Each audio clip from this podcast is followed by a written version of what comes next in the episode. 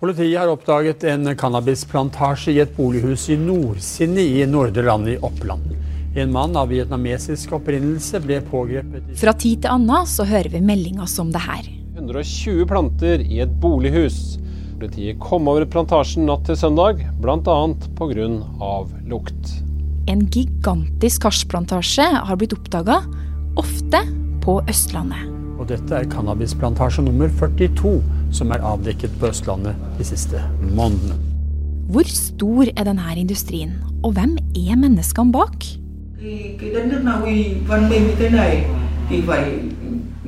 Nå står en av dem fram. Du hører på Forklart fra Aftenposten, og jeg er Marit Eriksdatter Gjelland. I dag er det mandag 30. august.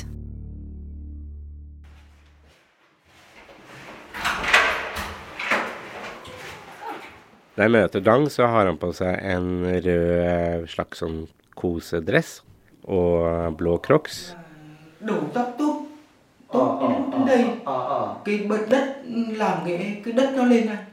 Veldig høflig, sjenert. Altså jeg må liksom hale og dra litt sitatene ut av han.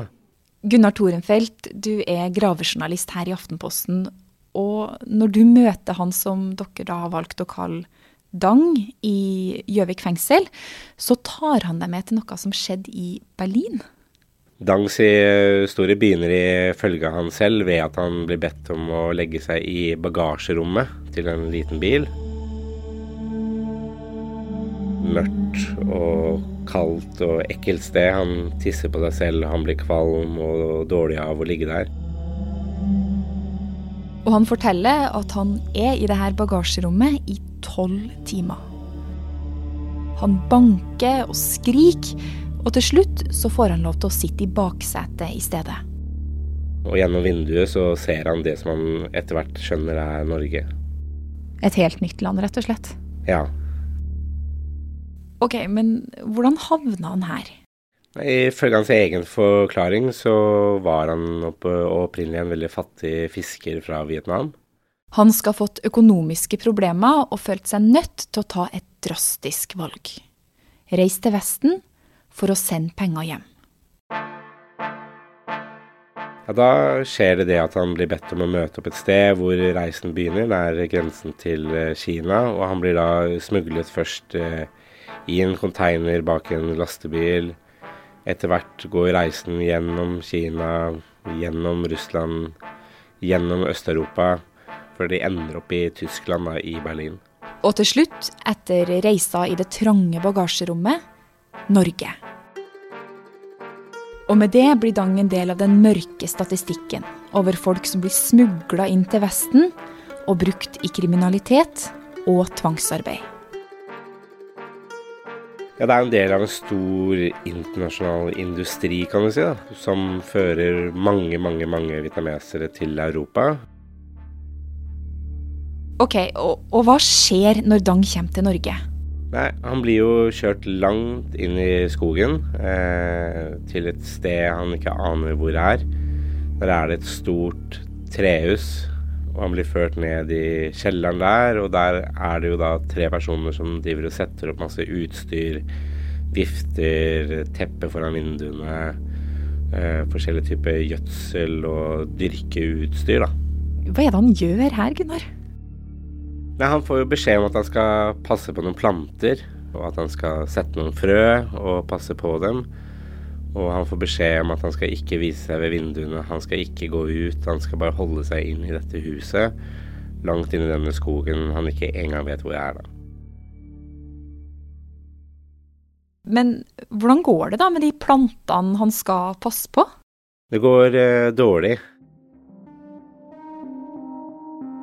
Han har jo selv eh, forklart at eh, de som hadde satt opp plantene, satt opp eh, viftene og alt, de kom tilbake etter tre måneder og var rasende.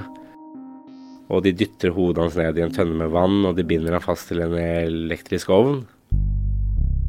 Altså, en elektrisk ovn? Det høres jo ut som tortur, egentlig. Ja, han har jo selv forklart og vist at han hadde liksom merker etter dette. Og han forsto ikke med en, en, gang hvorfor de var så sinte, men de ringte opp noen på telefon som snakket vietnamesisk, og de fortalte at, at han hadde vært en dårlig gartner.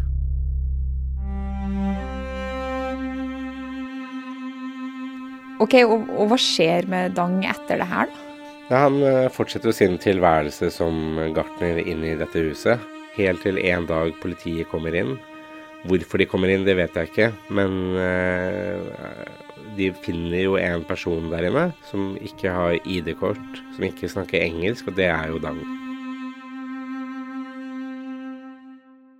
Ja, og Dang han forklarer til politiet at han trodde det var tomatplanter han dyrka. Men i dag så vet vi at det var noe helt annet, nemlig cannabisplanter. I dag så vet vi også at det her store trehuset i skogen, der Dang tilbrakte ca. et halvår fram til januar 2020, det ligger i Snertingdal utenfor Gjøvik. Men her så er det også viktig å si at det er mye vi ikke er sikre på. Men vi vet jo ikke engang om Dang er den personen han selv sier at han er. For uten noe ID-papirer kan man ikke stort annet enn å stole på historia Dang forteller. Gunnar og Aftenposten de har prøvd, men ikke klart å verifisere alt. Men ja, Dang han får to år i fengsel og skylder også nesten 100 000 kroner i erstatning til et strømselskap for å ha tjuvkobla den strømmen som ble brukt til å dyrke 649 cannabisplanter. Og her slutter på en måte historia. Dang han soner nå dommen sin i Gjøvik fengsel. Men Gunnar han har undersøkt mer.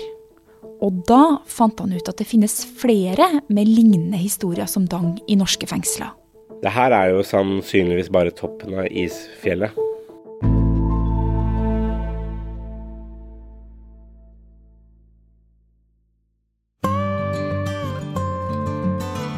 Tar du deg en biltur rundt om på Østlandet, så er det et rolig liv du kjører forbi. Tomme gater, kyr som bekymringsløst gresser. Egentlig ganske lite som får deg til å tenke på kriminelle gjenger og menneskehandel. Men utover 2000-tallet så begynner politiet å snu seg fram til hasjplantasje etter hasjplantasje rundt om på Østlandet. Ta året 2008 for eksempel. Nok en cannabisplantasje ble i går kveld funnet i Enebakk i Akershus. Rundt 400 planter ble beslaglagt, og fire vietnamesere og en nordmann er pågrepet i løpet av de siste månedene. Da fant politiet rundt 40 sånne plantasjer. Og opp gjennom årene så har det dukka opp sånne nyhetsmeldinger med jevne mellomrom. Og politiet sier dette virker svært godt organisert.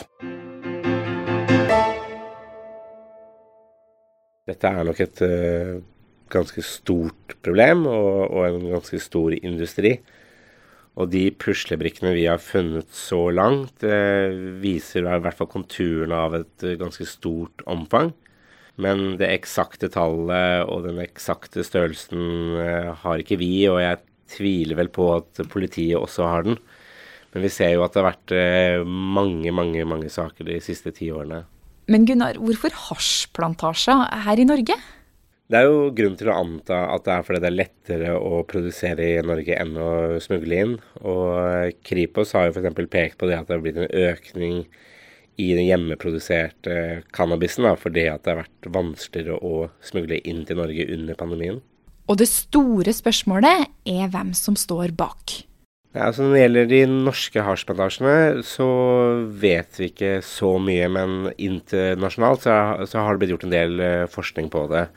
Og Det tyder på at det er et organisert kriminelt nettverk som står bak en global milliardindustri. da. Vi begynner å bevege oss inn i mafialand? Ja, det vil jeg si. Men når politiet ransaker hus og gårder her i landet, da er det lite mafiabosser i dress og solbriller og spor, men heller folk som Dang.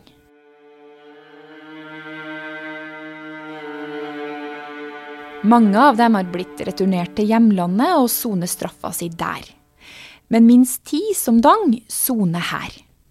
Så hva vet vi da om de her folkene som blir dømt? Vår gjennomgang tyder på at det primært er de politiet finner inne i hasjplantasjene. Og i flere av de sakene vi har sett på, så er det personer som ligner på Dang. Altså sårbare personer uten lovlig opphold. Og Dang da, Gunnar, hva vet vi om han? Er han nederst på rangstigen i et større kriminelt nettverk, eller? Det vet vi jo ingenting om. Eh, og det er jo det som på en måte er forsvareren til Dang og Dangs eget ønske. Da. Det er at politiet skal nettopp etterforske dette finne ut hvem er det som står bak, hvem er det som er de såkalte bakmennene, og hvem er det som har organisert dette. Mm. Men er det rettferdig da, at de mest utsatte er de som blir straffa? Mange mener jo nei. Eh, altså Det europeiske menneskerettighetsdomstolen, hjelpeapparatet og andre har jo pekt på det at det å, det å straffe sårbare mennesker som blir tvunget eller presset til å begå kriminalitet, at de burde anses først og fremst som ofre og ikke som kriminelle. Og at, de, og at de derfor burde hjelpes og ikke straffes. Men så er det ikke så enkelt. For ta Dang, da. Hvor ufri var han? Han dro f.eks. en gang på lokalbutikken og kjøpte seg sjampo. Og mens Dang har fortalt at han ble banka opp for å gå på butikken uten lov, så mener påtalemyndigheten at den turen der viser at Dang ikke var under nok press og tvang til å slippe straff. For han kom seg jo til butikken. Både i tingretten og lagmannsretten så ble han dømt. Lagmannsretten viser bl.a. til at Dang hadde en telefon, 400 euro, og at han var mye alene på plantasjen. Men kan han likevel være et offer? De er jo vanskelig, men lag, lagmannsretten slår jo fast at han er menneskehandeloffer. De bare mener at han ikke er offer nok, da, på en måte. Og så er jo det paradokset er at hvis han hadde drevet med noe lovlig, da, si at han hadde dyrket tomater, da, så ville det ikke vært i tvil om at han var tvangsarbeidsoffer. Altså, for han jobbet jo under helt forferdelige forhold. Spørsmålet da er hadde han mulighet for å gjort noe annet? Altså, kunne han gått til politiet? Kunne han bedt om hjelp? Kunne han kommet seg ut av situasjonen selv? da? Så her står politiet i en slags spagat da, når de skal etterforske? Ja, og faktisk så har dette gitt seg et litt merkelig utslag. Altså Politiet har valgt å lage to saker på han. Altså Den ene saken hvor han er kriminell og nå dømt, og i den andre saken hvor han har status som fornærmet eller offer for menneskehandel. Og Gunnar Dang, da, hvordan ser framtida hans ut nå? Det ser jo dårlig ut. Eh, han er jo planlagt eh, utvist, eh, og han frykter jo dette veldig mye.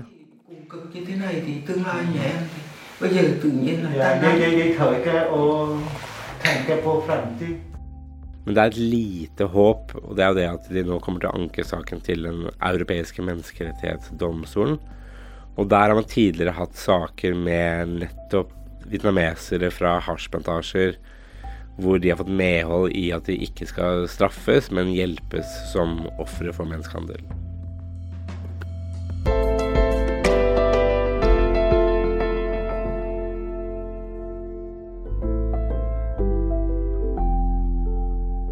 Du har hørt journalist Gunnar Torenfelt fortelle historia om Dang, og Morten Uglum har også bidratt. Episoden er laga av produsent Peter Daatland og meg, Marit Eriksdatter Gjelland. Resten av Forklart er David Vekoni, Andreas Bakkefoss, Anne Lindholm, Fride Næss Nonstad og Guri Leiel Skedsmo. Du har hørt lyd fra NRK.